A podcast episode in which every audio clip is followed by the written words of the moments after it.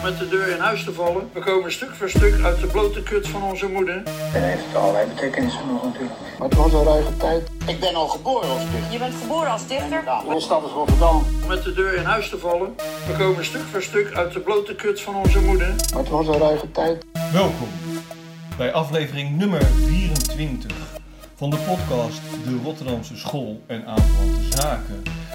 De podcast over literatuur en poëzie vanuit het Rotterdamse. Mijn naam is Daniel D. Maar ik doe het niet alleen. Want tegenover mij zit de dichter die Italië wist te ontvluchten aan het begin van de pandemie. Mon Amour, de beste in eigen namen noemen. Mark Bonazinha! Zo, daar zijn we weer. Ja, hè? Ja, nou, dat klopt helemaal wat je zei. Maar daarover later meer. Precies. Dat is een soort introotje. Want dat kwam ook in mijn hoofd op toen ik het uh, Ja, dacht. toch? Ja. Ja. Oké, oké. Nou, ik heb het nieuws. Ja, vertel. Eh, wat ik wel gedaan heb, ik heb nu echt de shortlist, de longlist, die heb ik eruit gehaald. Oké. Heel goed. Ja, weet je. Ik heb wel de prijs erin gezet, nog. Mooi. Want anders heb je echt eh, eigenlijk weinig eh, nieuws. Ja, hè? Ja, er gebeurt gewoon eh, momenteel niet. Ja, alleen Ja, de prijzen. zomer komt eraan, dus Ja, is dat het... is eh, Weet je wel, dus... eh, maar goed. Ja, Roelof ten Apel, ten Apel is met zijn bundel Dagen in Huis de winnaar geworden van de Grote Poëzieprijs 2022. Woehoe! En hij ontvangt een geldbedrag van Wat is het, 20.000 toch? 20.000 Ja. euro. Precies. Het is echt man, man, man. En ik zit hier op een houtje te bijten. Mhm. En als je daarmee klaar bent, dan krijg ik dat houtje. Ja, en de letteren vertaalprijs gaat dit jaar naar Veronica ter Hamstel Havlikova. Eh, het fonds bekroont hiermee ter Hamstel Havlikova's excellente vertalingen van belangrijke Nederlandstalige titels in het Tsjechisch.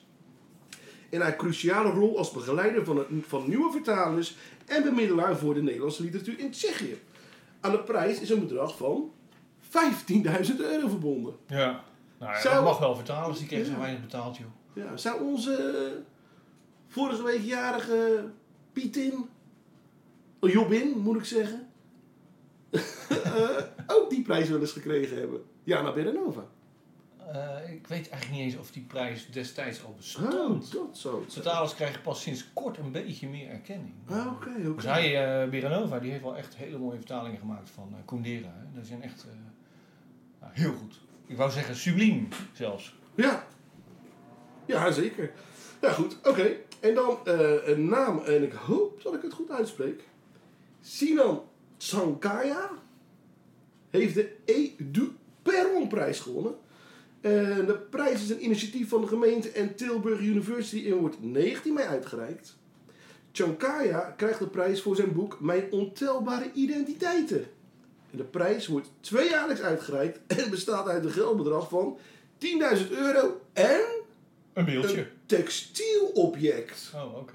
Maar wat een textielobject is, dat weet ik niet. Een t-shirt? Een t-shirt, ja. Dat kan allebei. En dan heeft universiteitshoogleraar Frits van Oostrom... eh, die, nou, die ontvangt op 15 oktober de Visser Neerlandia prijs van het Algemeen Nederlands Verbond... met als doel de Nederlandse taal- en cultuurgemeenschap te handhaven en ontplooien. Mooi. Ja, dus eh, ik weet niet wat hij wint. Dat geeft flauw idee. Eeuwige roem. Ja, ehm Lale Gül kreeg de Pim Fortuynprijs 2022. Oftewel de Wie Best het Beste een Moslim prijs. dus nou, die heeft ze ook gewonnen. Volgens vrije woord. Nou ja, ja, nou ja, ja goed. Het, dit is echt, ja, ik vind, eh, nou goed. Ik zou er niet eh, mee op de borst, mezelf op de borst slaan. Ik zou die prijs weigeren, ja. Ja, zou ik echt weigeren, ja. Wil niet zeggen trouwens dat ik eh, denk dat er niks mis is in de moslimgemeenschap hoor. Want Nee, maar in, iedere gemeenschap is er wel wat mis, denk ik Dat dan. is wel. Ik als katholiek eh hè, koor, knaapje, weet maar al te goed wat er Nee, mis is toch zo? Ja, joh. Dus eh, ik vind het altijd een beetje frappant. Eh ja goed, al, ik geloof dat Joost Eerdmans ook eh, in de jury zat. Ja goed, dan weet je al genoeg. Verrassend, ja. Weet je, eh, en eh, ik heb de broer van eh eh, eh, Simon, heb ik eh, toen ik eh, eh, eh, eh, gemeentedichter was van Lansingerland, Ja. heb ik daar wel eens, eh, ben ik daar wel eens mee in aanraking geweest. Hartstikke aardige, lieve man. Ja. Maar ja, eh, is het politiek? Nee. Je moet eerst je iPhone ontgrendelen. Jij moet gewoon lekker je mail houden. Siri. dus, Je begint weer, weet je wel, over jouw nazi-sympathie, hè? En Siri denkt, oh, hij wil wat weten. Hoe die bepaalde... Je, nee, ja, hoe nee, maar goed, maar goed, maar begassen, goed, Siri? dat, eh, kijk, nou, ik, ik geloof niet dat Simon eh, zo'n extreme gedachtegang heeft had als, of heeft als Joost of zijn broer Pim. Hè, eh, Ja, ja, oké. ja. maar, eh, ja goed, eh, iemand die lief en aardig kan je best, je, je kan best iemand lief en aardig vinden, maar dat pleit hem natuurlijk totaal niet vrij Nee, precies. van eh, dingen die je eh, doet. Nee. Maar goed. Nou, goed, het wordt, die prijs is uitgereikt. We zijn in Rotterdam. Het is een Rotterdamse prijs ook. Dus Ja. nou ja, ik heb hem genoemd. Nou ja, daarbij is alles wel gezegd, denk ik.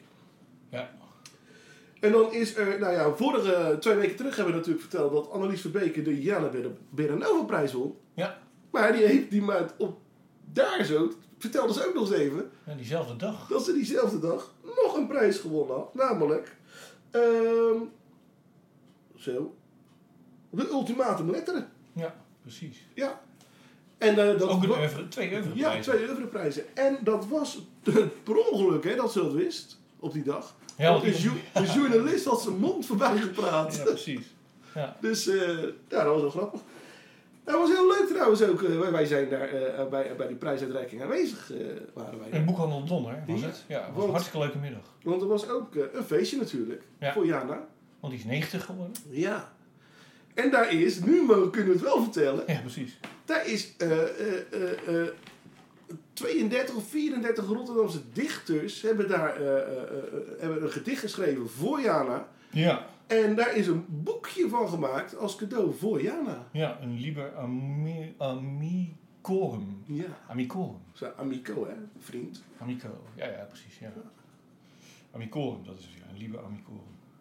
Maar in Latijn is zo ver weg. Ja, god, Het boekje heet Al word je moet- 100 jaar. Ik moet zeggen, je kan ook gewoon een vriendschapsboekje noemen. Ja, dat is waar, ja. Een poesiealbummetje. Een poesiealbum. Mag je een Dus, poesiealbum schrijven? Maar het is wel echt een hele mooie bundel geworden. Ja, hè? Eh, Wie staan er allemaal in, Daniel? nou, moet ik er een aantal noemen? Ja, wij staan erin. Nou, staan daar, erin. daar hebben we het gehad. Dat was het beste. Nee. Meest belangrijkste. Nou, weet je, alle, alle nou ja, Rotterdamse schrijvers, zo'n beetje, alle Rotterdamse dichters moet ik zeggen trouwens, die het toe doen. Ja, Hans staan Wap, erin. Vroeg in de Wei. eh Ja, ja.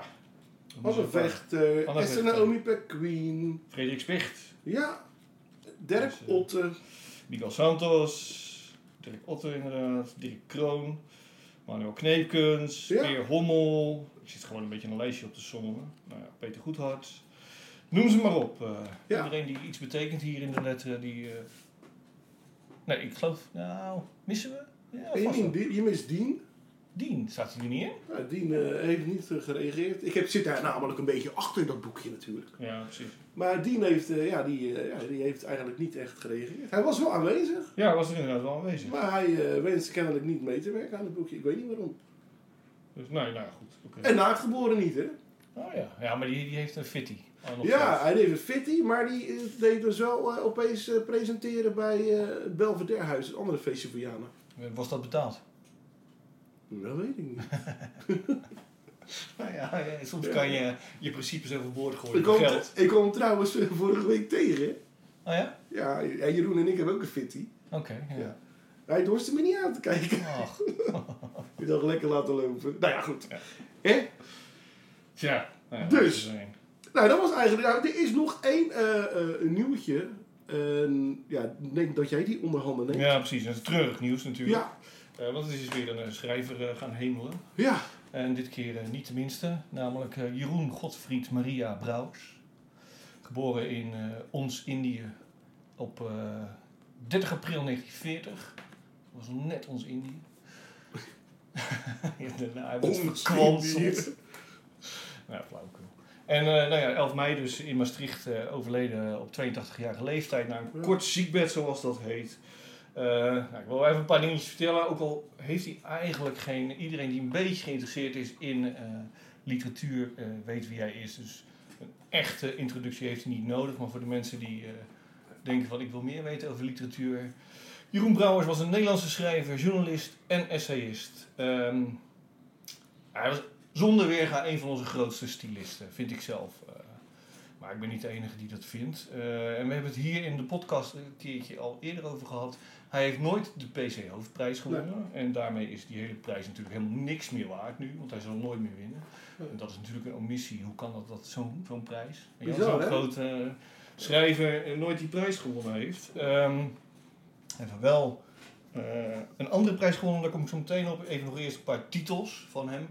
Boeken die je zou kunnen lezen. Ehm, nou ja, bekende titels zijn Zonder trommels en trompetten, Zonsopgangen boven zee, Het verzonkene, Zonder onderschriften, rood, De zondvloed, De zwarte zon.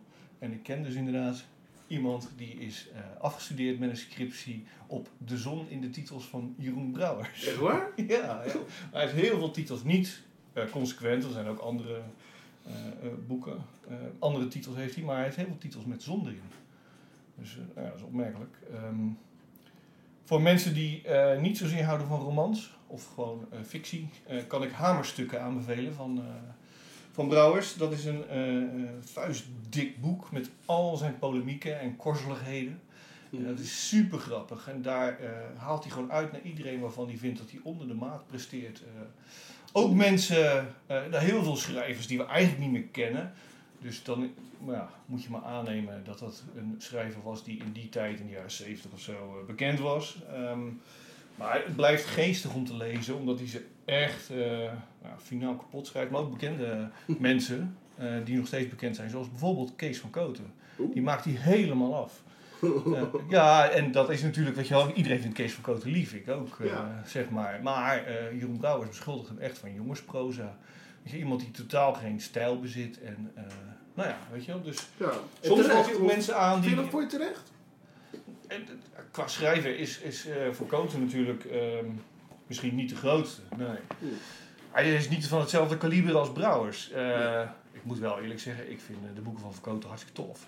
Weet je wel, hij is wel iemand met taalplezier, maar hij heeft niet dezelfde stilistische vermogen als, eh, als Brouwers. Dus, Nee, maar dat hoeft ook niet iedereen te hebben, toch? Nee, precies. Maar ja, goed. Dat jongetjesproza, ja, kijk, weet je wel, iedereen vist natuurlijk uit dezelfde Ja. vijver, Ja, dus ja, ja. dat zijn concurrenten. En zo heeft dan Brouwers geprobeerd ehm ja, Verkoten eh, op zijn plaats te zetten, zullen we maar zeggen. Ehm, later, na dat hamerstukken trouwens, eh, is nog één keer een eh, polemiek verschenen. En dat is Sisyphus Bakens, met als ondertitel Vloekschrift. Nou, daar is geen woord ja, aan gelogen, wou ik zeggen, maar dat klopt dus in het volledig, het hele woord. eh. En dat gaat over de grote prijs die hij wel gekregen heeft. Namelijk eh, de prijs der Nederlandse letteren.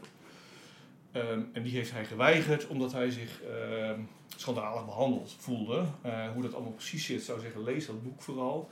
Eh, de organisator, organisator was de Taalunie. Nou, die krijgt dus een veeg uit de pan. Maar ook iedereen die erbij betrokken was. Van Willem-Alexander tot eh, Ronald, de minister Ronald. eh, ik kan echt wel iets plasterk.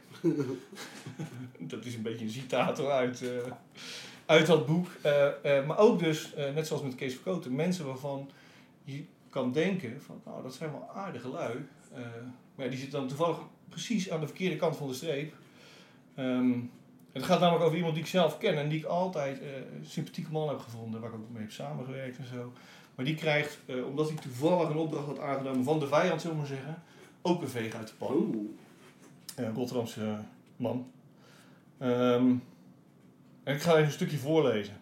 En komen we er dan ook achter in dat stukje wie die Rotterdamse man is? Ja, want hij wordt gewoon met name toe. Oh, Oké, oké, oké. Ik weet eigenlijk niet, misschien ken je hem ook wel. Oh, zou me niks verbazen als je hem niet kent. Ja. spannend. Wie zou dat zijn? Als hij luistert, die weet het natuurlijk al. Oh fuck, weet je wel. Er is één Rotterdamse kerel, zit daarin, weet je. En die denkt natuurlijk, ach, wordt dat weer opgerakeld. Eh, sorry, Jeroen. ja, vandaag is het eh, de dag van de Jeroen hoor, trouwens. Van de Jeroentjes. Jeroen Brouwers. En, eh, goed, ik ga even het stuk voorlezen. Het is wat lang, maar ja, eh, Brouwers is natuurlijk ook een grote, grote, grote naam geweest. Oké, ik weet ongeveer eh, tot waar ik wil. Ehm, goed, en het gezelschap waar ik mee begin is dus de Taalunie die die prijs, de prijs der Nederlandse letteren gaat uitreiken. Het gezelschap van de Taalunie, oh, dat staat er gewoon. Het gezelschap van de taal, Taalunie had bedacht dat het leuk zou zijn om tijdens de ceremonie aan het hof een filmpje over en met mij te vertonen. Vond ik dat ook leuk? vroeg Liesje. Als ik aan één woord de scheurende schurft heb, dan is het leuk. Dat helemaal niets meer uitdrukt. Taalarmoediger kan niet. Hoezo leuk, Liesje? Nou, gewoon leuk, zei Liesje, van wie ik intussen wel wist dat iedere enigszins diepergaande gedachtenwisseling teleurstellend uitpakte. Gewoon een taaluniejuf. Filmpje. Er is nadrukkelijk nooit sprake geweest van een film over Jeroen Brouwers, zoals woordvoerder van de Taalunie. Ilse van Blabel, Bladel eh, op de mouw trachtte te spelden van Arjan Fortuyn en NRC Handelsblad 22 april 2008. Alsof het om een film van Paul Verhoeven, Frans Wijs, Sherry Duins, Stijn Konings of dergelijke filmmeester zou gaan. Liesje had het over een filmpje, pje dus. Iets van een kwartiertje, tje. Ik hoor het haar nog zeggen. Typisch een taalunie-initiatiefje, fje dus. Dat is dat lichaampje, pje, dat een prijsje, sje, van driemaal niks oppompt tot hoogste bekroning. In dezelfde mate liegt het over een film, terwijl naar waarheid het resultaatje, tje, slechts blijkt te bestaan uit exact 18 minuten lichtgeflakker, vervaardigd door een amateur rare kiek die van literatuur evenveel verstand heeft als een mier van het ideeëngoed van Einstein en van filmen ook niet veel terechtbrengt. Taalunie. Wie zou van het geklungel deze firma niet moedeloos worden? Deze filmknutselaar, Jeroen S. Roosendaal heet hij, het heet tegenwoordig ook allemaal maar Jeroen ook, belde mij even later. Zijn bedrijf, of het een bedrijf waar hij als jongste bediende of inpakknecht, men weet het niet, in dienst is, heet Studio Ref, gevestigd in Rotterdam. Wij denken aan een portret of profiel van u, gevat in het kader van uw oeuvre, sprak hij gewichtig. En dat allemaal in een kwartiertje, vroeg ik. Hij was al aan zijn rolprent begonnen, deelde Jeroen S. mij tot mijn verbijstering mee, zonder eerst wat dan ook met mij te overleggen, te bespreken, te beraadslagen. Ik werd, er, ik werd erg ongerust. Hij was, zei Jeroen S., schrijvers aan het interviewen over mij en mijn oeuvre. En ik zou dan commentaar moeten leveren op het commentaar dat deze schrijvers op mij en mijn oeuvre te berden brachten. Dit vonden Taalunie en Jeroen S. een leuk idee. Zo leuk als een gebroken been. Ik voelde er meteen al helemaal niks voor. Schrijvers, informeerde ik. Wie, wat voor, welke? Zomaar lukraak in het wilde weg. Een aantalletje schrijvers bleek Jeroen S. te hebben bereid gevonden alsof hij er met een vlindernet op uit was getrokken. Zoals een vlinder een insect is, evenals een kever en een vliegend hert, zo is iedere schrijver een schrijver als Brouwers, dacht deze letterkunde-entomoloog. En, monteer, en monter somde hij op. Harry Mullisch, Herman Brusselmans, Elsbeth Etty, Joost Zwageman. Het zouden ook Appie Baantje, Lulu, Lulu Wang en de in Nederlandse hofkringen aanbeden oude ouwelbakker en vervaardiger van godgevallige kwezelrijmen Huub Oosterhuis kunnen zijn geweest. Nergens verstand van, hoeft ook niet van taalunie. Is er in dat kwartiertje met al dit gepraat door anderen dan nog tijd voor portret of profiel van de koninklijke laureaat, vroeg ik. Mijn profielportret, portretprofiel past sowieso niet in een kwartiertje. Zo de miet het u maar heel snel op met uw filmpje, zei ik beleefd. Waarom moet er aan het hof een kabouterfilmpje over mij worden vertoond als ik daar op het eendere tijdstip zelf als reus aanwezig ben? Zo dacht ik het leuke filmplan van Taalunies filmgenie Jeroen S. de Palma van tafel te hebben geveegd, zodat ik verder kon gaan met me te concentreren op mijn danktoespraak. Dank, o Unie, sieren ook, voor al het mij zo gul en eervol toebedeelde sje. Wie anders dan ikzelf schetst nu mijn verbazing, groter dan alle kastelen van Cyrus en majesteiten bij elkaar, toen mijn naamgenoot zich maanden later waarachtig nog eens meldde, notabene nadat ik te kennen had gegeven het snuisterprijsje der Nederlandse letteren niet te hoeven. Hij van Studio Ref Rotterdam was op aandringen, op aandringen en met een pak geld van Taalunie doorgegaan met zijn kijkding en bezat de grofheid mij opnieuw alsnog om medewerking te verzoeken. Thans had de Taalunie het wel leuk geleken het gevalletje aan scholen aan te bieden, kunnen de leerlingetjes kennis maken met de grote onbekende schrijver op de Olympus en zijn door geen millimeter beestjes gelezen werk. Het cinematografisch meesterstuk draagt de titel Noli me tangere. Dat is het devies op mijn wapenschild, de naam van mijn boshuis en eigen uitgeverij. En het betekent rot op, poten thuis, stoor me niet, maak dat je wegkomt. Door Jeroen S. per ondertiteltje keurigjes vertaald met raak me niet aan. Hij had, zich daar maar aan, had hij zich daar maar aan gehouden, was hij maar bij mij uit de buurt gebleven. Ik had hem nog zo gewaarschuwd. Waarom het ding zo heet, waarom brouwers geen schorrimorrie en kunstluizen als Jeroen S. Roosendaal op zijn erf duldt. Het wordt de leerlingetjes niet duidelijk gemaakt. Wat kan het bommen? Ja, Ja, misschien wel een beetje een lang stuk, maar... eh, nou, een beetje wel. Maar Hij ik ben er ondertussen wat anders aan het doen. Je valt twee romans uit. nee, ja, Jeroen. Nou ja, ik, ik zat te twijfelen, dus ik heb hem even gegoogeld ondertussen. Ja. En toen zag ik zijn gezicht en dacht ik, oh ja, die ken ik wel. Van gezicht. Oké, ja. ja. Maar niet... eh, We hadden van de zomer hadden, hebben wij opgetreden bij, eh, wat was het, de Laurenskerk. Daar, daarachter, op dat podium, weet je dat nog? Ja? Had jij mij uitgenodigd zelfs, geloof ik. Jij was de presentator. Dat was zo'n zomerterrasprogramma. Oh, daar, ja, ja, ja. En na ons kwam een band. En Ja? dat was de band van, of hij speelde er in ieder geval in mee, van Jeroen S. Roosendaal. Die was er dus ook bij die middag. eh, Nou ja, goed. Vandaar. En dan, andere. dat ze komt misschien bekend eh, voorkomen. Precies. Ik heb hem nog aangekondigd. Hè? Ja, is dat zo? Eh, Ik weet eigenlijk niet, nee, dat was weer een nieuw blokje. Dus Ja, dat was weer een andere Ja, presentator. nou goed, maakt ook niet uit. We hebben in ieder geval samen het podium gedeeld. Zeker. Met die, eh, nou ja, hè? Nee, maar wat ik zeg is wel, nou, hij had gewoon de pech dat hij aan de verkeerde kant van de streep stond. Ja. eh, want het is echt sympathiek. Hij wordt gewoon eh, ingehuurd natuurlijk. En, eh, Ja, ja, hij moet zoveel maken. En ik snap het ook wel, inderdaad, als je daar wat eh, normaal voor betaald krijgt, ja, dan doe je dat gewoon. Nee, logisch toch? Ja. ja. Nee, Oké, ja, maar ja goed. Helaas, mooi stuk, maar helaas van een, een overledene. Precies, ja. Nou ja, goed, hij heeft genoeg geschreven, dus hier kan je er lekker in verdiepen. Ik ben het ook weer aan het herlezen geslagen. Ik dacht, Ja, nou ja, ik ga dit echt kopen, dit, eh, dat boekje sowieso. Want ik Dat ken, het, ik hartstikke ken het leuk. niet. feestnummer eh, Willem-Alexander, weet je wel. Iedereen Ja, heeft altijd leuk. Nare bijnamen. Hartstikke lachen. Yes. Oké, en we Ja. hebben ook nog twee boeken gelezen. Ja, zeker. Dus laten we daarmee beginnen. Wat zullen we doen als eerste? De poëzie of de proza? Laten we eerst ehm, de poëzie doen. Oké. Kondig ik het een beetje aan? Of eh, doe jij het? Kondig jij hem eraan? oh, dan ga jij zeggen wat je ervan vindt. Nou ja, ik, ik ben heel kort hierin. eh, oké. het, eh, nou ja, goed. Hè? Goed, we hebben de bundel eh, Namen noemen Ja, eh, gelezen van Nagum M. Wijnberg. Eh, Wijnberg, Nederlands dichter, schrijver en wetenschapper, econoom.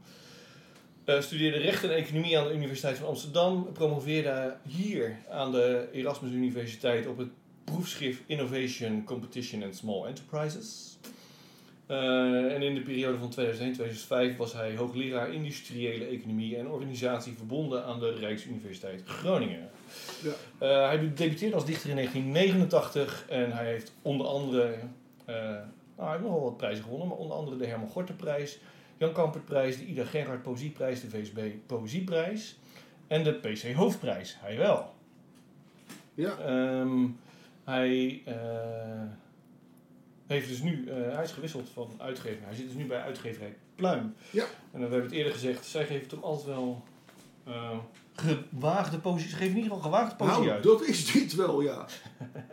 Ja, want dit zijn eh, werkelijk de mooiste, prachtigste liefdesgedichten en melancholische gedichten over de dood die ik ooit gelezen heb. Denk ik. ja. Ik zal je vertellen. Nee, dan gaat het natuurlijk helemaal niet Nee, nee, dat begrijp ik.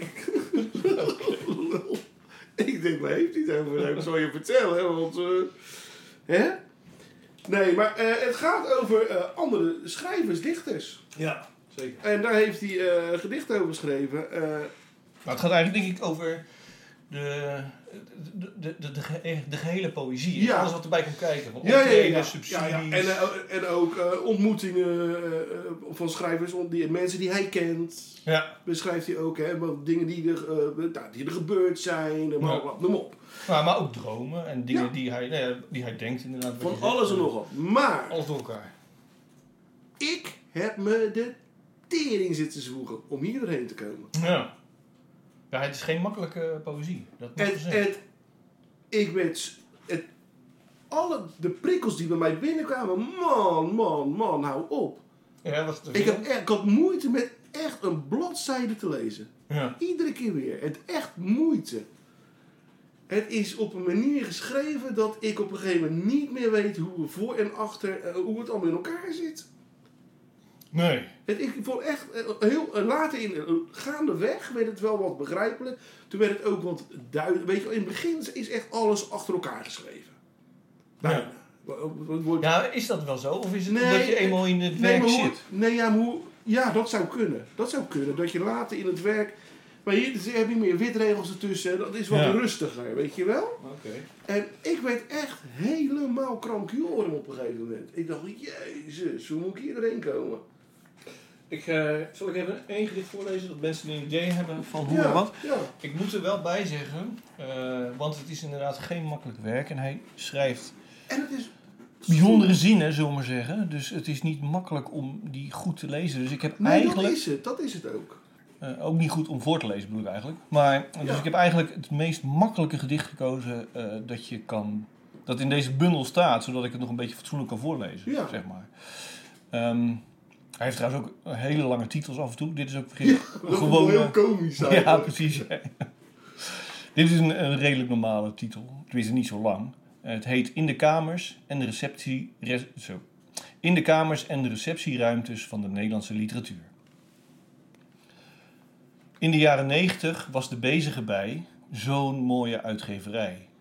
De bundels waren slecht gelijmd, vielen na één jaar al uit elkaar. En het papier begon te vergelen. Maar dankzij de bezige bij ben ik nog in dezelfde kamer geweest als Willem Frederik Hermans, in een stoel ver weg van mij.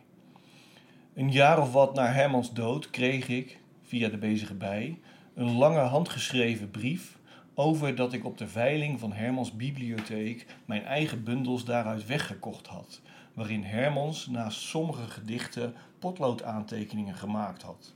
De briefschrijver dacht dat ik dat gedaan had om te verhinderen dat anderen die vaak zeer negatieve opmerkingen zouden lezen en vroeg mij in de naam van de Nederlandse literatuur om me over mijn ijdelheid heen te zetten en de bundels met Hermans commentaar aan het museum te geven van hoe de Nederlandse poëzie als een niet meer koloniaal rijk is dat terug wil geven, zoals marmeren beelden terugsturen in een schip zonder bemanning. Ik heb nu al drie keer gehoord dat ik aantekeningen aan het museum kan geven en later zoveel minder belasting betalen als hoeveel iemand er nu voor zou geven. Maar als ik een aantekening op papier maak, scheur ik het vel uit het kladblok en gooi het weg als ik er iets of niets mee gedaan heb. Het enige wat ik nog heb zijn schriften die ik op reis meeneem en die ik pas weggooi als ze bijna vol zijn en alle aantekeningen doorgestreept. Kan ik niet beginnen aantekeningen te maken voor wat ik al lang geschreven heb? Denk ik dat er een museum is dat die aantekeningen wil hebben. Zet mijn badkuip maar neer in de zaal die het minst bezocht wordt. Ik ben wel toe aan een vakantie. Toen ik niet meer bij de bezige bij was, had ik een kamer in hetzelfde gebouw van de Universiteit van Groningen als Hermans toen hij daar lector was, maar drie verdiepingen hoger. Dankzij uitgeversmaatschappij Hollands, Holland heb ik Hans Andreus als een verzorgde oude man met een wijnglas in zijn hand gezien. Die was al meer dan tien jaar dood en werd niet veel ouder dan vijftig. Iemand moet gedaan hebben alsof hij hem was, zeg ik, het meest doorzichtige excuus voor mijn vergissing. Op een buitenreceptie in de achtertuin van Atlas Contact ben ik een keer over een klein perkje gesprongen, alsof ik van plan geweest was langer in de lucht te blijven hangen. En nog in de lucht dacht ik, als iemand het ziet, heeft hij over honderd jaar iets om aan te denken en niet meer zeker te zijn of hij het gezien heeft. Als hij mijn naam ergens ziet. Ja, Ja. Heel veel tussen haakjes staat ook heel Ja, de tijd. dat Dus ook, maakt ja. het lastig eh, om eh, het fatsoenlijk eh, voor te dragen. Ja, maar echt, het eerste gedicht, ik ging al gelijk helemaal. Oh mijn god, wat gebeurt hier allemaal? Ja, er gebeurt heel veel. Ik geloof ook dat het een, een hoe noem je dat? Stream of consciousness is. Ja, ja, dat gewoon zo opgeschreven hoe het gewoon laten vloeien. vloeien. Zoals het in zijn ja, hoofd opkwam. Ja, ja, ja, ja, nou ja. ja en, en, en het is nog geen eens slecht of zo. Nee. Maar het is, ja, ik, ja, dat, zal, maar dat, dat, dat is heel persoonlijk. Dat zal, hè, ik kan er zo weinig. Ik vind het echt heel moeilijk om er doorheen te komen. Ja. Weet je wel, eigenlijk moet ik nog twee, drie keer lezen. Maar dat, Maar daar heb je geen zin in. daar ben, ik ik ben, ik een beetje bang voor, weet je wel. Ja, het is inderdaad, eh, ik heb het inderdaad ook in een week gelezen, eigenlijk, het hele bundel. En ik heb ook wel gemerkt van, oké, daar haal je er niet uit wat er allemaal in zit. Maar Nee, zeggen. er, nee, er Ehm, moet, moet veel meer in zitten. Ja, Het is, eh, ja, maar je kan je wel afvragen, ehm, ja, wat blijft hiervan over over 100 jaar? Als we het dan toch over ja, poëzie ik hebben. niks. En, eh, want eh, dit, is, dit is geen poëzie voor mensen die niet poëzie lezen. Nee, maar ik denk als dit ooit wordt opgegraven in, over duizend jaar, Ja, dat ze zich de tering schrikken. Dat ze zich vra- afvragen van, waar waren hun mee bezig zo in de jaren 2020? ja, precies. Weet je wel? Ik zat ook te denken van, nou ja, stel nou dat je eh, ergens een keer een leuk gedicht gelezen hebt en je denkt, dan wil ik me verder in verdiepen. Ehm, dan krijg je deze bundel. Eh, in hoeverre is het dan van belang om de gedichten te snappen, eh, om de dichters die genoemd worden te kennen? Is dat van belang? Is dat van belang? Nee. Dus Nee. Je, kan, je kan deze gedichten lezen, zeg jij, zonder dat je weet wie, eh, Ja. nou ja, weet ik veel, eh, Leo Vrooman was of wat dan Nou, ook. ja, ja, Wigman wordt genoemd, eh, Wigman, ja. Homerus, eh, dat gaat alle kanten op. De wereldpoëzie. Ja, ik denk dat je dat... Ja, nou, misschien dat je wel moet weten een beetje welke tijd het is waar ze in leefden. Die dichters bedoel je? Ja. Ja, ja oké. ja. Misschien dat dat misschien iets is.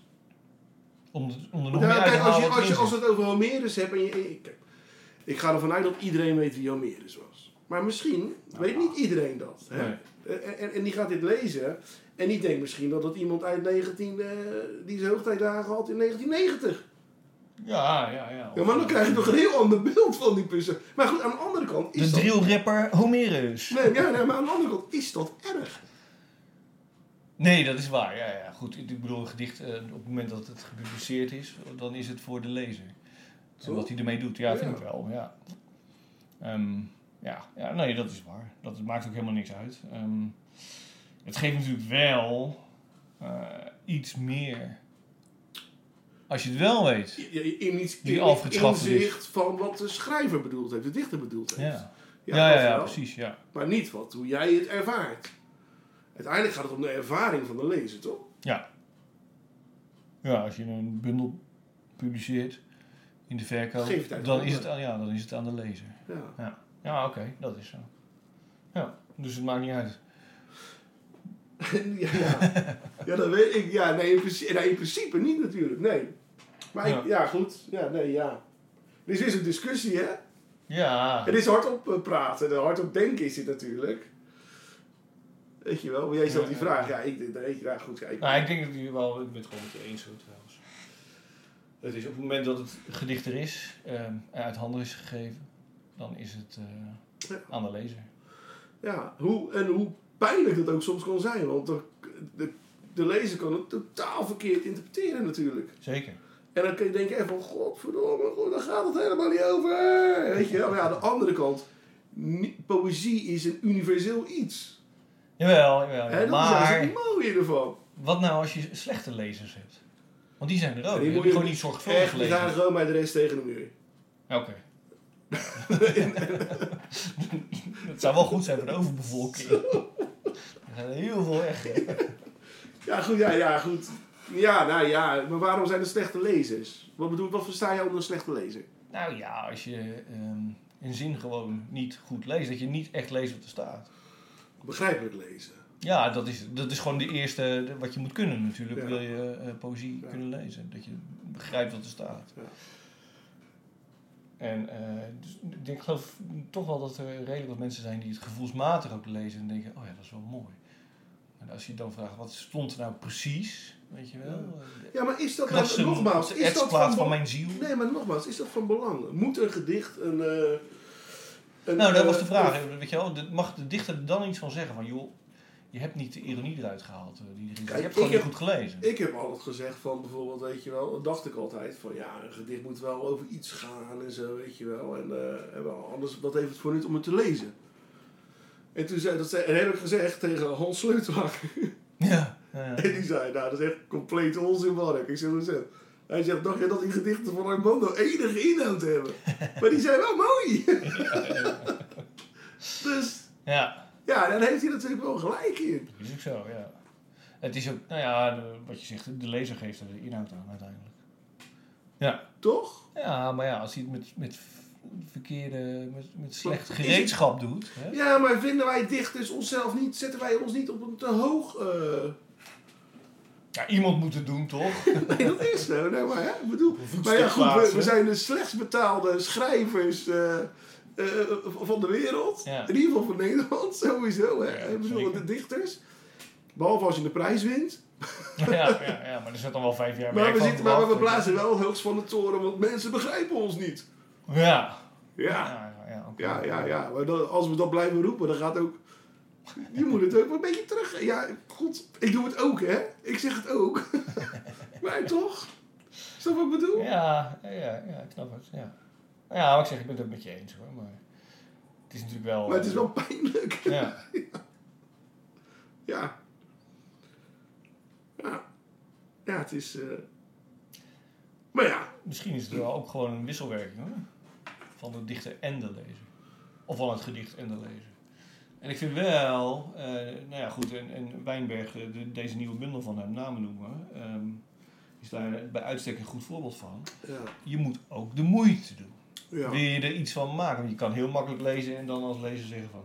Ja, weg ermee. Ik, ik Nee, snap het echt- niet, ik ja. kan er niks mee. Weet je wel? Dat is dus... Maar het is wel gewaagd. Ja, nee, maar dus moet je als lezer moet je ook je best doen. Eh, Ja, nee, dat is zo. Maar goed, weet je, eh, eh, je moet ook niet iedere lezer over één kam. Is één schrijver, één dichter. Hè? Ja. En het- de lezer is legioen natuurlijk. Ja, Toch? nee, tuurlijk. Ja. Dus. Nou ja, goed. We hebben... Zoveel lezers, zoveel gedichten. Ja. Nou, nee. Nou ja, ik denk wel eh, een beetje afhankelijk van eh, hoe complex een gedicht is. Maar dat, dat je op een gegeven moment meerdere interpretaties kan krijgen. Oh, ja, dat als wel. wij Ja, hetzelfde ja, ja, gedicht wel. lezen, dat Ja, we er allebei ja, ja. andere associaties in ieder geval bij Ja, hebben. zeker, zeker. En dat is ook. Dat, dat, dat is het mooie. Po- dat wat ik al zei, poëzie, poëzie Ja. is universeel. Ja. Vind, toch? Dus, Ja. nou, goed. Het is universeel. eh, deze bundel is vrij particulier, kunnen we stellen. Want het is wel, het zijn echt de gedachtegangen van Wijnberg. Ja. Denk ik. ja, ik zou zeggen, ja, mensen die het... eh, die toe zijn aan een... eh, hoe moet je het zeggen? Aan een... eh, aan een worstelingetje. Ja. Die moeten het zeker kopen. Maar ik zeg, kijk, kijk, kijk, ja, dit, ik zou zeggen, de, doe het, lees het dan niet op je balkon met net iets te veel bijzondere Belgische biertjes. Want dan schiet het niet op hoor. ik zou het in de ochtend lezen. Ja, precies. Aan tafel, weet je wel, in gevechtshouding. Want het is echt een strijd dat je moet leveren. Nou ja, echt. Goed. Ik had er echt, me- het, overprikkelde me echt gigantisch. Ja. Ja. Nou ja. Ja, ik vind het... eh, ehm, ja, je waardeoordeel eh, En dat- is ook zo wat. Maar ik vind het wel de moeite waard. En Nee, dat ook, eh, zeker, zeker, zeker, zeker. Een bundel waarvan ik weet dat ik hem nog wel een paar keer zal lezen. Nou ja, ik wil het ook wel, maar het zal inderdaad af en toe een gedicht zijn, weet je wel. Dan. Ja, ja, ja. ja, ik heb nu inderdaad van A tot Z gelezen. Ja. En dan, eh, En dat moet te veel, too much. ja, in een week tijd alleen Ja. maar Wijnberg was wel... ja, Toch? met de hele wereldliteratuur die aan je voorbij trekt. Maar dan vanuit zijn hoofd. Ja. Ik wou nog... eh, ik weet niet of ik er nog iets over wil zeggen verder trouwens. Ik wil nog één ding zeggen over een recensie eh, die ik las naar, eh, over namen noemen van Wijnberg. Want ik doe ik vaak wel eventjes voordat ik Ja. die podcast heb. Kijken hoe andere mensen daar tegenaan kijken, weet je wel. En of ik dan een beetje in dezelfde hoek zit of juist helemaal niet. Ja. Maar het verbaast me weer, en ook dit hebben we, eerder, eh, hebben we het eerder over gehad in deze podcast. Het verbaast me weer over hoe belabberd de staat van eh, recensies zijn in dit land. Eh, Oké. ik had een recensie gelezen van de dichter trouwens, ook open dichter, Rob Schouten in Trouw. Ja, en die komt dan aan met, wat schreef hij nou? Letterlijk, oh ja, poëzie die je op het verkeerde been zet. Dan denk ik zo, veel clichématiger kan het niet, weet je wel. En je hebt er niks aan als lezer. Als je een, een gevorderde lezer bent van poëzie, ja, dan weet je al waar, een beetje wat je kan verwachten van Wijnberg. Mhm. Zeg maar, ben je een beginnende eh, lezer van poëzie, dan weet je niet wat er bedoeld wordt met hè, op het verkeerde been zetten. En dat geloof je dan ook niet. eh. het lijkt soms wel eens een beetje of eh recensenten alleen nog maar uit een doz- dozijn holle frazen kunnen putten. Weet je wel, eh, het is verontrustend op het verkeerde been zetten. En, eh, maar ja, het gaat nergens over. Het, geeft geen duiding, geen waardeoordeel. Eh, kortom, je hebt er niks aan. Het heeft waarschijnlijk ehm, alles te maken met de dichter op Schouten die het gewoon niet snapt. Ja. Maar ook, Maar ook, nou ja, of eigenlijk juist natuurlijk. Ik weet niet of Rob Schouten het snapt of niet. Die man wordt ook wel ouder, dus laat ik die nou niet... Rob S. Laat ik hem nou geen Jeroen noemen. maar het heeft natuurlijk alles te maken met eh, hoe belabberd eh, de ruimte is in een krant. Weet je wel, je krijgt gewoon helemaal niks. Dus eh, Ja. je, je krijgt ook niet de mogelijkheid om er echt diep op in te Nee, gaan. dat is ja. Ik zou wel, weet je wat ik wel tof zou vinden, en dat is dan misschien de uitdaging voor al onze luisteraars. Ga deze bundel lezen en schrijf er eens een mooi essay over, weet je wel? Dat is gelijk een essay ook. Hartstikke idee. Tuurlijk, ja, ja. Nou, ja essay betekent natuurlijk hè, niet meer en niet minder dan ik probeer. Ja, mijn Latijn is weggezonken qua uitspraak, maar eh ik weet heus wel wat het betekent. ik ben echt niet van de straat, jongens. Dus, eh, oké. Nou, zijn we er klaar mee? Ja, namen noemen. naar Groen en Wijnberg. Trouwens, een extreem hoge productie heeft die man. eh. Dat- De laatste jaren zeker. De ene bundel naar de andere. Het is alsof hij helemaal leeg pruttelt. Werkelijk waar. Ja. Nu zijn we Misschien klaar. doet hij dat ook wel. Ja.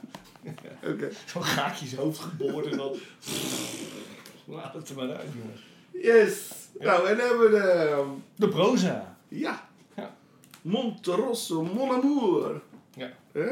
Monterosso. Van Ilja Leonard Vijver. Het Zeker. Ja. Ja. Eh, moet ik nog even wat zeggen over Vijver? Ja, ja, ja, jij bent altijd heel goed in intro's. Ja, ja, ik ben heel goed in eh, Wikipedia. Ja, nou ja, op. Ilja Leonard Vijver is geboren op 17 januari 1968. Ja, Nederlands dichter, klassicus, schrijver. Eh, won de Libris Literatuurprijs voor zijn roman La Super, Superba. Sorry, mijn fout. En eh, is genomine- was genomineerd voor de Libris Literatuurprijs voor zijn roman Grand Hotel Europa. Dat zijn ook, denk ik, zijn twee grote Ja. eh, boeken. Ehm, hij heeft de Buddingprijs gewonnen voor zijn debuut, eh poëziebundel. Hè? De Buddingprijs is natuurlijk voor poëzie. Eh, verder heeft hij de Anton Wachterprijs gewonnen, de Zoemprijs, tweemaal zelfs voor de beste literaire zin. Jan Kampertprijs, Edu Bronprijs, Awater Poëzieprijs en de VSB Poëzieprijs. Nou ja, goed, en nog een, een aantal andere. Nou, we weten in ieder geval waarom hij zijn, in Italië kan wonen. Ja, nou, en ook hij heeft wel geschreven in zijn eh, eh, eh, dagboek, wou ik zeggen, hoe heet dat ook alweer? Van het privédomein, die reeks. dat hij Mhm. toch maar lastig kan rondkomen hoor, van de literatuur. En dat hij toch heel vaak om een voorschot vraagt, omdat het geld gewoon op is. Hoe heet dat boek ook alweer? Nou, dat heb ik natuurlijk weer net niet paraat. Sorry, Rien. Ja, Riem. Maar ehm, eh, hij was ook in 2006 trouwambtenaar bij het huwelijk van Katja Schuurman en Thijs Reumer. Oh ja, die Thijs, eh, gaat daar een gerucht over? Zo. Ja, ja, nou, gelukkig zijn we allemaal. En hij is eh, beoefenaar en eh, zeer kundig schijnt van de Japanse krijgssport Aikido. Nee joh. Ja, ja. wat me nou heel leuk lijkt, er bestaat zoiets als chess. Ik vind dat een hele mooie sport, hè? Het is hartstikke mooi. Het is ook echt eh, geweldig. de energie van de tegenstander. Maar met is de het, energie ja, van de maar is het tegenstander. Aikido of is het Aikido? Aikido. Ja, nee, hè? De klemtoon. Ja, ik snap het. Ja, dat weet ik. Maar wat me heel leuk lijkt, want er bestaat dus zoiets als chessboxing. Dus dat is schaken, rondje schaken. Oh, En dan boksen. En dat ga jij met hem doen? Nee, het lijkt me heel tof om, om hem. Eh, dan maken we er een soort eh, literaire eh, vechtsport van. Ja. Dus een rondje voorlezen en dan een rondje knokken. En dan ga je met, doe jij samen met Joh, ik, ik niet, ik ben helemaal niet zo goed. Jawel, jawel, jawel. Nee, nee, nee, maar hij moet dan tegen Alex Bogers. Want Dat is de kickboxer natuurlijk. De kickboxer, Ja, de schrijver Alex. en de aikido schrijver. Dat lijkt me hartstikke tof. daar een avond van... Alex doet toch ook tegenwoordig weer lesgeven? Ja, hij heeft een eigen sportschool in Schiedam. Oh, Hartstikke mooi hoor. Ga daar vooral een keer heen. Eh, Absoluut. nou, ik, ik vond Alex ik altijd hartstikke aardig. Dan kwam ik hem tegen en toen zei ik, hoor, en toen liet hij me gewoon voorbij. Ik dacht, echt lul. Ja, misschien, Ga ik heeft tegen hij hem zeggen. misschien heeft hij me helemaal niet gehoord hoor. Krijg Dat de kan. volgende keer gewoon tik op je bek van. Nou, ik kijk wel kijk, bij hem kijk ik wel uit. Als er nou ergens een ruimte binnenkomt. Met hij Alex dan- wil ik geen fitty hebben. Alex eh, de ruimte binnenkomt en eh, dan vraagt wie is Mark Bonicen? Ja, dat we allemaal dan aan Jeroen wijzen. Jeroen?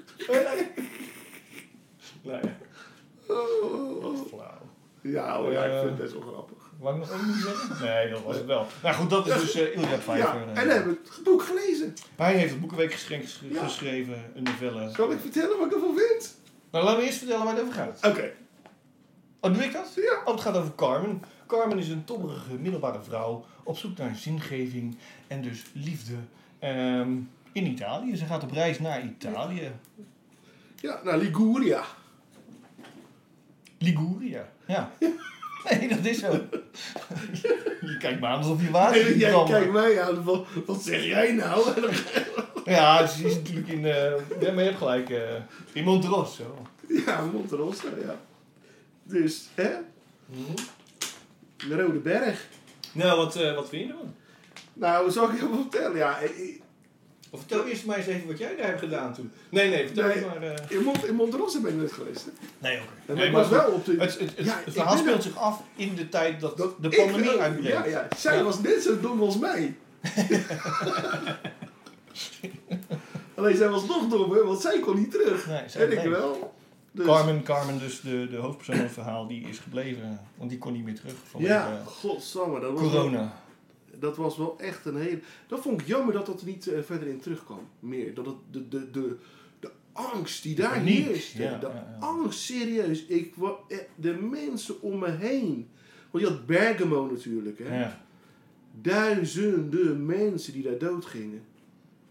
Het was niet normaal. En ik was daar en eh, toen ging alles op slot. Maar de angst van de mensen. Eerst was alles nog open, maar toen op een gegeven moment alles gesloten werd, je mocht niet meer reizen en noem maar op. Nou, en iedereen keek elkaar, keek elkaar aan als van, oh, misschien heb jij het ook wel. Weet je, iedereen Ja, dacht van... Je kan het niet zien natuurlijk. Nee, iedereen dacht van nou, eh, van, van, van, van iedere ademhaling die in mijn buurt is, van iemand ga ik dood. Ja, precies. Ja, het was echt bizar. De angst daar. Man, man, man, man. Ja, Pfeiffer heeft natuurlijk ehm, voor NRC Handelsblad eh, een column geschreven in die tijd. Dus Ja. misschien dat hij dacht, Ja, nou, ik heb het geschreven. Ja, dus, ja. ehm, ja, het- en, en eh, goed, in het boek zelf, het Boekenweekgeschenk, dan zie je ook dat het, het- echo's heeft. Hè, van, dat schrijft hij ook zelf over. Van de dood in Venetië van Thomas Mann. En dat gaat natuurlijk ook over een, een plaag, dan de pestplaag, weliswaar. Maar, en, maar dat gaat ook langs de hoofdpersoon een beetje heen. Die dan wel doorheeft van er is iets, hè, iets geks aan de hand hier in Italië. Maar die weet in eerste instantie ook niet wat er aan de hand Nee, is. nee. Nee. de- ja, daarom moest ook het mobieltje gestolen worden van Carmen uit... eh, Ja, de, de, de, de over, over, hoofdpersoon, ja. Want anders wisten ze het natuurlijk. Precies. Ja. Maar goed, het, eh, eh, wat ik van het boek vind. Ja. En toen ik hem uitsloeg, dichtsloeg. Ja. Toen het eerste wat ik dacht van... Dit is het meest literaire eh, eh, eh, verhaal uit de boeketreeks-serie die ik ooit gelezen heb. Ja, een beetje wel, hè? Toch? Ja. Hoe zit ik nou? Nou, er zitten wel allemaal opzichtige verwijzingen in. Ook zo'n hert op het strand, dat je denkt van... Oh ja, dat is Ja, maar dat christelijke komt- traditie Ja, maar dat komt natuurlijk en- ook weer voor uit door die pandemie, omdat de Ja, natuur precies. weer terug trekt Ja, naar ja goed, je, al die symboliek, dat Ja. is wel... Het zit er allemaal duimendik bovenop. Dat is wel... Ja, en je- het, kon, het heet Monterosso Mon Amour, het kon ook tennisballen en sherry heten. Precies, eigenlijk wel, ja. Want de Carmen, de hoofdpersoon, dat is een vrouw van een ex-ambassadeur, Diplomaat. diplomaat. Hè, en, ehm, en dat komt de hele tijd in terug, die heeft getennist en sherry gedronken. Overal op de hele wereld. Precies. Dus ja, Ja. het is wat dat betreft, ja goed. Maar Monterosso klinkt natuurlijk veel literairder. Ja, ja. Het, en, heb, je hem gevonden waar het vandaan komt? Dat was dat petje bedoel je? Ja. Ja, ja, ja. ja. ik heb het boek echt gelezen hoor. Nee? Ik vond het ook wat traag op gang komen. Dat ik dacht, de eerste vier hoofdstukken, die Ja. heb je net zo goed makkelijk kunnen schrappen. Maar goed, het is natuurlijk al zo'n dun boekje. Ja, Het toen was, eh, in, in het begin komt er ook Ilja erin voor. En, en op het einde. Nou ja, dat is ook weer zo literair. Weet je, jezelf erin schrijven. Wat is feit, wat is fictie. Ja. eh, nou ja. Toch? Ja, het is... eh, ja. maar ik heb er op zich wel van genoten. Maar ik... Jawel, hij kan wel En een zin achter elkaar schrijven, zeker. Ja, maar, en, maar er komt ook een heel... Hij, hij kon nog... dun- dun- hij kon dunner zijn. Zeker. Want er is een hoop bullshit staat ertussen. Dat je echt denkt, man, man, man, dat kun je allemaal schrappen. Wat, Ja. wat ik nu lees, dat heeft totaal geen invloed op het verhaal. Ook niet op, eh, op mijn eh, eh, gemoedstoestand. En noem maar op. Nee. Toch? Nee, ja. Of zie ik dat nu helemaal? En het was in het begin meer dan op het eind, dat wel. Ja. Ja, ja, ja. ja. Ja, en ja. Ja, ja, ja, dit is ook niet dat je denkt, niet per se een page turner, ook dat je denkt, oh ik wil per se weten hoe het nu eindigt of zo. Nee. Dus, eh, Nee, ik, sterker nog, oh, ik trouwens, dat boek wat ik net zei, dat wordt natuurlijk ook genoemd. Ja, eh, Sterker is- nog, ik zag nee, het zijn, zijn, aankomen. zijn autobiografie, zeg maar, de- van de privédomein, dat zijn die brieven uit Genua trouwens. Ja. Zo heet dat boek. hey, Rien, ik wist het wel. Oh, sorry, wat zei je? Ik wist al redelijk snel hoe het zou eindigen. Ja, je kan het wel een beetje invullen natuurlijk. Dat is en een dat is dan wel een beetje jammer. Ja. Maar misschien komt het omdat het een, eh, een vrij dun boekje is. Ja. Dat hij snel er naartoe moest werken. Of vond ik toch nog, eh, terwijl hij dat zelf ook zei, ja, ik heb een hekel aan cliffhangers. ja, dat is natuurlijk ook weer Maar vervolgens, vervolgens zit hij echt, echt de, de langste cliffhanger al ever te schrijven, Ja. weet je wel. En doet hij expres, Ja, tuurlijk. weet je wel. En eh, ja, Nou, nou, ja, goed. En er komen bekende, net zoals eh eh, eh, Sestri, eh, Lavente, waar, waar, waar, waar- een oma, een, per- een persoon in het ziekenhuis ligt. Ja, ja, ja. Daar bijvoorbeeld, mijn schoonzus heeft daar, is daar au pair geweest. Dat is allemaal, dat is allemaal leuk om te lezen. Nou ja, dat is dan een beetje herkenbaar voor je, zou je zeggen. Dus ja. Heb je iets meer... nou. Ja, Oké, nou, het, het was het Boekenweekgeschenk. Ik kreeg gratis bij eh, de aankoop van... voor eh, een gratis is het echt... eh, eh, sterker nog, ik zou er misschien ook nog wel een tientje voor willen betalen ook. nou ja, ik wou net zeggen, nu is het geen Boekenweek meer, dus nu kan je hem niet meer krijgen. Nee. Tenzij je gaat eh, zoeken eh, in antiquariaten of op- bij boekwinkeltjes.nl en dan heb je het vaak voor 2, 3 euro. eh. Het is echt wel een leuk boek. Zeker, zeker ook als je liefhebber bent van vijf eh, en dan moet je verzameling compleet maken. Dus ik zou het zeker niet laten Ja. liggen. Maar wat vond jij ervan? Nou, wat ik toch zei, ik, was wel een beetje met je, ik ben weer met je eens hoor. God, wat zitten wij vandaag op dezelfde Ja, lijn. vandaag wel een beetje. Ja. Moet ook niet te vaak doen. Nee, ja goed, we weten het ook niet van tevoren. hè. Nee. Maar ja, dus uh, ja, nee, uh, ja. Ja, het is een echte vijverboekie. Ja, dat is zo. Ja. Ja. je, kan, je kan er lang of kort over lullen. En uh, ja, je kent er niet het is, Je kan het ook wel zien. Hij schrijft het op een terras. Weet je wel. Gewoon, nou ja. Ja, dat doe ik even. Boekje drinks. ja. oh, lekker in het zonnetje. Espressootje erbij. Ja, drinkt hij nog? Nee, hij drinkt geen alcohol Nee, meer als je dat bedoelt. Nee. Nee. Het zal wel een, uh, een doktersreden zijn. Ja, dat is toch wel levensverlengend schijnt. Als je stopt met drinken. dus, uh, nou ja, nou, misschien wil hij nog meer van zulke boekjes schrijven, je weet het niet. Dus, uh, hij zal er goed voor betaald zijn. Wat, wat zou je hiervoor betaald krijgen? Ja, ja, dat is, uh, dat is inderdaad niet zuinig. Dat mag gezegd. Wat is de oplage ook alweer? Ja, die zat 100.000 of zo. Belachelijk. Belachelijk, uh, belachelijk veel. 500.000 misschien wel. Echt heel veel. Maar dit jaar was het niet wat in de voorgaande jaren wel was. Het is niet altijd geweest hoor, maar in de voorgaande jaren, als je dan zo'n boekje had, dan kon je op, op één van die zondagen in de boekenweek kon je gratis met de trein. Oh ja. Dus daarom kocht iedereen in één keer allemaal ineens voor het eerst weer boeken. Is dat niet meer? Het was dit jaar voor, voor het eerst niet. Maar Misschien ook een maar beetje vanwege... de NS-logo erachterop staat. Ja, nou ja, ze zullen nog steeds gesponsord hebben. Nou, dat was wel grappig, want ik zat uh, in het vliegtuig naar huis vanuit Verona, want ik ben net... Uh, net Tijdens corona? Vanuit Verona? Nee, nou net. Uh, oh, nu net? Oh ja, ja Ik ben natuurlijk net vijf dagen in Verona geweest. Ja. En uh, de rij naast mij, dus aan de andere kant van het gangpad, mm -hmm. zie ik een vrouw het boekje lezen. Oké, okay, ja. Dus dat is wel grappig dan, weet je wel. Vind ik wel leuk. Oh, dan denk ik, oh, die hebben dit ook gelezen. en die ga ik bespreken. En ik wou bijna zeggen, mevrouw, mevrouw. Ja. Wat vindt u hiervan? Ik heb hem ook gelezen. Nee, ik dacht, ik hou lekker met mij, want ik, ik hou helemaal niet van... eh Nou, voor je het weet eh, heb je zo'n vlucht inderdaad, dat je alleen maar daarover zit. eh. Godverdomme. Ja. Ik wil ook gewoon bier zijn in, die, in het vliegtuig. Ja, en bidden dat je niet neerstort, toch? Zo. Nou, op de heenweg. Ja, had je turbulentie? Ja, nee, bo- boven de Alp heb je altijd een beetje turbulentie. Ja. En er was een moment dat ik eventjes heel kort naar beneden zakte. ja, Heel kort maar. En ik echt zo... En mijn armen in de lucht, weet je wel. Ik zo... En echt mijn meisje naast me. Nou, doe nou normaal, joh. Ik zeg, schrik me de tering. Ze zegt, ja, mijn heel het vliegtuig schrikt door jou ook, zegt de tering. Echt.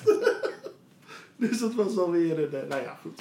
Ja, ik had wel eens een ventje naast me, dat was dan eh, naar Spanje. Hè? En het was ook zo'n luchtzak en die had zo'n zo'n eh, kartonnetje met fristie. En die schrok ook en die zo, die kneep een kartonnetje stuk. Nou ja, dus helemaal over mijn broek, weet je wel. Nou, dan zit je in die vlucht nog eh, een paar uur lang... naar zo'n chemische aardbeienlucht eh in, je pen, in, je, in je broek.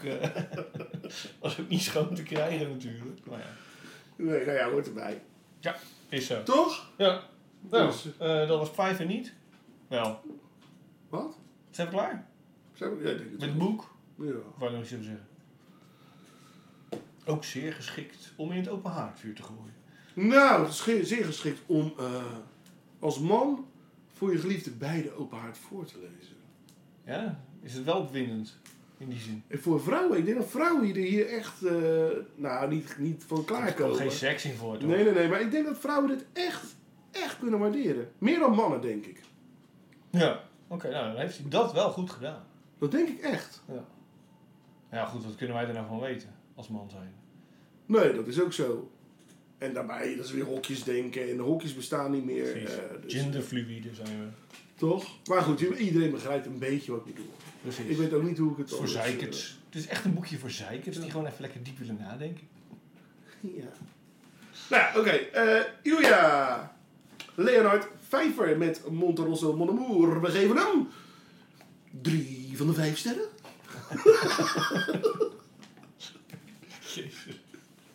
Ja hoor, prima joh. Dus, Oké, we hebben nog twee vaste rubrieken. ja. Welke gaan we eerst doen? Welke vaste rubriek? Nou, ik wil als eerste wil ik. eh, heeft hij jou gemaild? Ja, ja. Jeroen Smit heeft mij gemaild, inderdaad. Eh, met een gedicht. Ehm nou, zal ik het allemaal voorlezen? Meteen? Oké. Gedicht Ik heet... heb altijd het idee dat hij jou veel leuker stuurt dan dat hij naar mij stuurt. Oh, maar dat had hij ook gemaild. Wat een klootzak. Dus ik ga gewoon Mark altijd zitten zakken. nee, dat is niet waar. Dat had hij niet gemaild. Het gedicht heet De Bekende Zin. Heb je hem?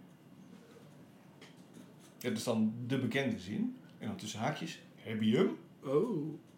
Ja, maar als je dat erachter zet, dan is hij niet goed genoeg. Want dan eh verraad je dat het misschien wel dubbele betekenis Ja. kan hebben. Ja, oké. De bekende zin. Zonder heb je hem. Ik zal het wel even tegen Smit zeggen. Ik Ja, ga, ik ga gewoon redigeren dan. eh. maar goed. De bekende zin. Heb je hem? De mannetjes van de prieelvogels maken uitgebreide, zorgvuldig ingerichte baltsplaatsen.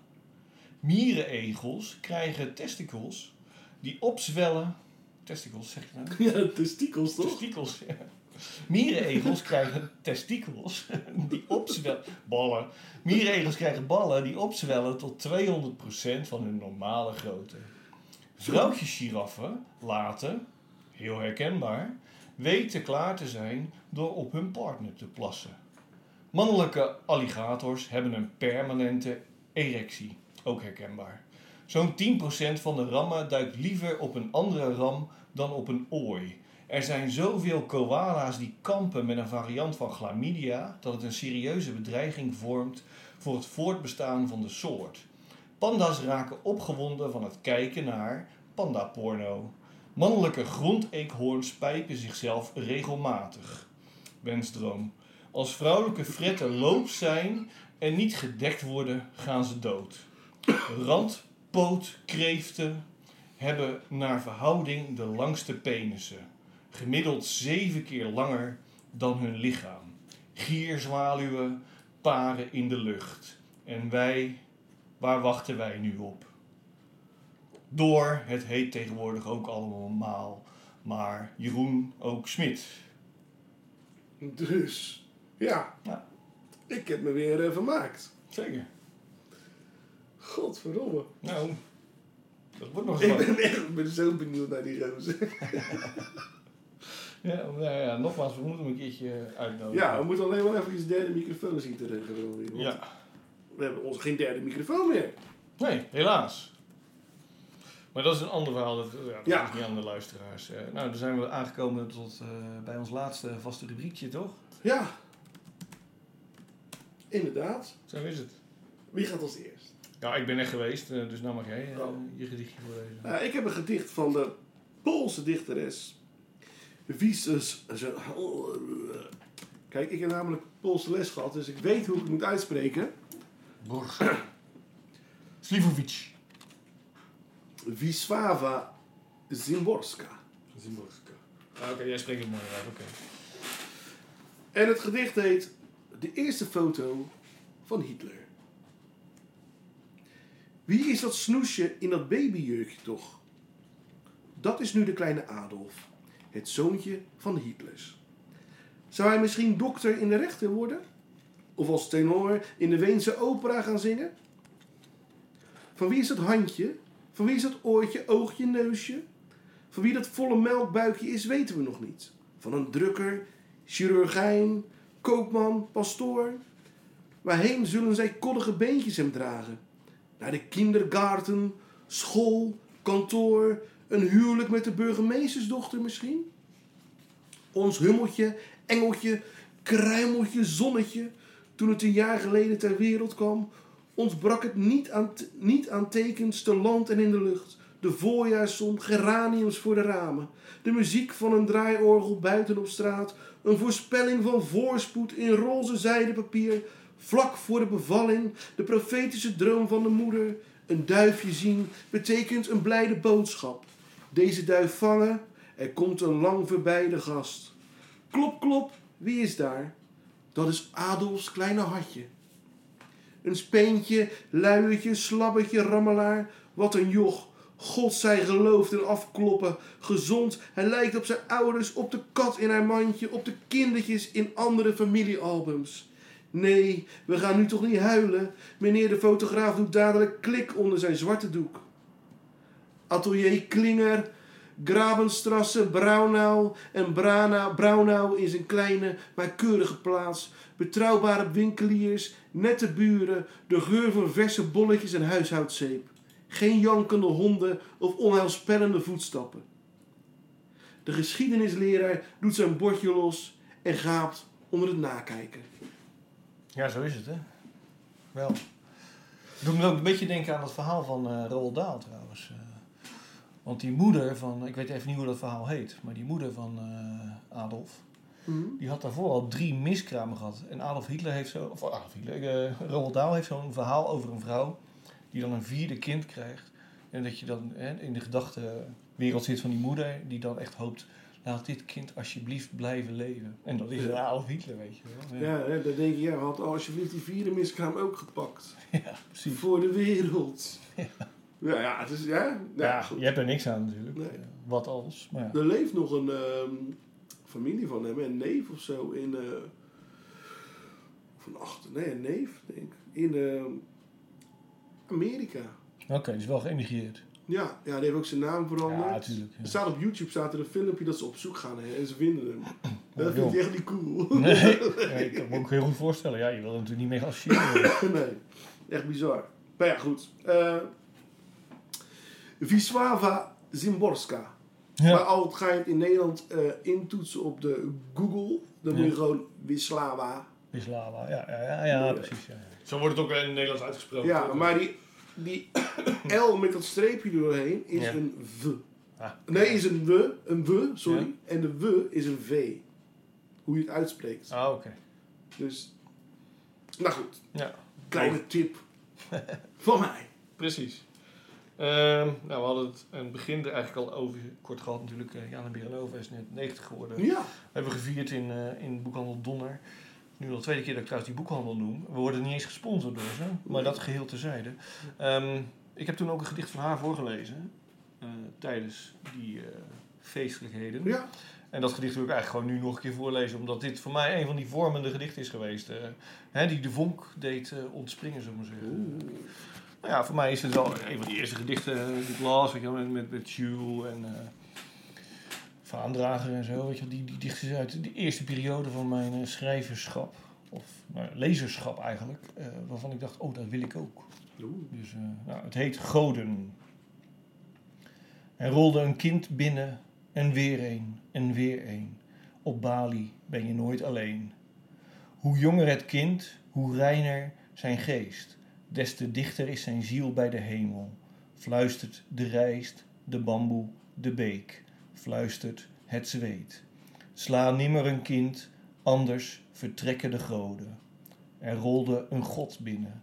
En weer een, en weer een. Op Bali ben je nooit alleen. Nou, maar eens een keer naar Bali gaan dan, hè? Zo is het. En eh, ja, nou, nog vele jaren. Ja. Dus Ja. dat is een mooie afsluiting, denk ik, voor... eh, Zeker weten. Nou, ik moet nog eventjes... eh Nou, de ramp afsluiten. Want ik ben nog wel vergeten te zeggen in het nieuws. Oh. Er is namelijk een nieuw eh poëziepodium in Rotterdam. Oh ja, vertel. Vanaf aanstaande woensdag. Wat leuk. Poetry in, en jazz in Jazz Café Dizzy. Ja, tof. Ja. Schijnt er een gigantische host te zijn. Heel goed in eigen namen noemen. en nee, ja. ontvlucht aan de dood is hij ook heel goed in. Ja. Dus nee, maar eh, in, in de eerste editie, dat is echt eigenlijk de try-out. Oké. Eh nou, Jos Maar het bestond toch al een beetje? Nou, dit is wel. Ja, het, het bestond, maar ehm, dit is wel. Ik weet niet hoe het toen was, ben ik nooit geweest. Van eh, Renato bedoel jij? Ja, eh Miguel Santos, die Ja. presenteerde dat destijds. Ja, Ja. maar ik weet niet hoe. Ik ben er, hoe was het toen? Werd het ook? Ik ben daar zelf ook nooit geweest. Nee. Dus ik weet het niet. Nee, ik ben gevraagd om eh, dit te gaan organiseren door Dizzy. Dus ehm, Nou, cool. Goed. eh, Super tof. poetry en jazz, dus het is echt eh, eh, poëzie op live muziek. Ja, gaaf. En de eerste editie zijn daar Jos Knoop, Bima Engels en. Zo ja. En nog iemand. Ja, nee, ik weet het wel, maar ik ben zo bang dat ik die naam verkeerd uitspreek. En dat meen ik echt. Ja, dan moet je oefenen, want jij bent de host natuurlijk dan. Nee, dat, ja, dat is zo. Echt, het is. Maar hoe laat begint het? Het begint half negen, Oké, en woensdag is het de 16e. Nee, 17e. 18e. 18e alweer. 18e. 18 mei Maar 2022. Ik zit even te oefenen in mijn hoofd. Ah, doe het een paar keer hardop. Dan heb je gelijk een beetje training. Dan doe je het niet meer fout op de 18e. Angelica Geronimaki. Maar misschien is het Angelica. Angelica. Angelica. Ik zou zeggen Angelica. Ja, maar Geronimaki. Je zegt, je zegt toch Geronimaki? Ik weet echt niet welke, uit, uit welk land eh, die, die, die- de, dus, nou goed, de en achternaam komt. en, eh, op muziek, eh, op sax, eh, zijn de studenten van de Codarts. Oké. Dus eh, Martijn van Dithuizen, of Ditshuizen op Nou, dat sax. is jammer. jammer. Ja. Jens Kolders op drums en nog een DJ komt erbij. Nou, dat is jammer. Want? Het zijn studenten die moeten het nog leren. Nee, professionals. Codarts zit je niet zomaar. Ja, ik maak een flauwe grap. En, ehm, maar goed, dit is de eerste editie en dan moet, het moet natuurlijk groeien. En dan moet het eh, groter en beter worden. Ja. En eh, open podium is ook. Iedereen is uitgenodigd sowieso om te komen luisteren.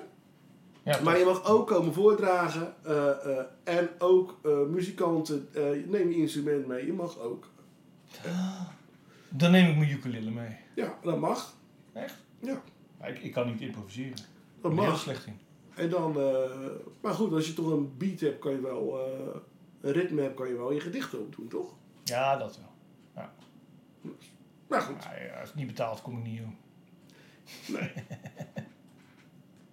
Zeker niet op een open podium. Daar voel ik me echt te hoog voor. maar misschien moet jij dan nog een paar edities wachten.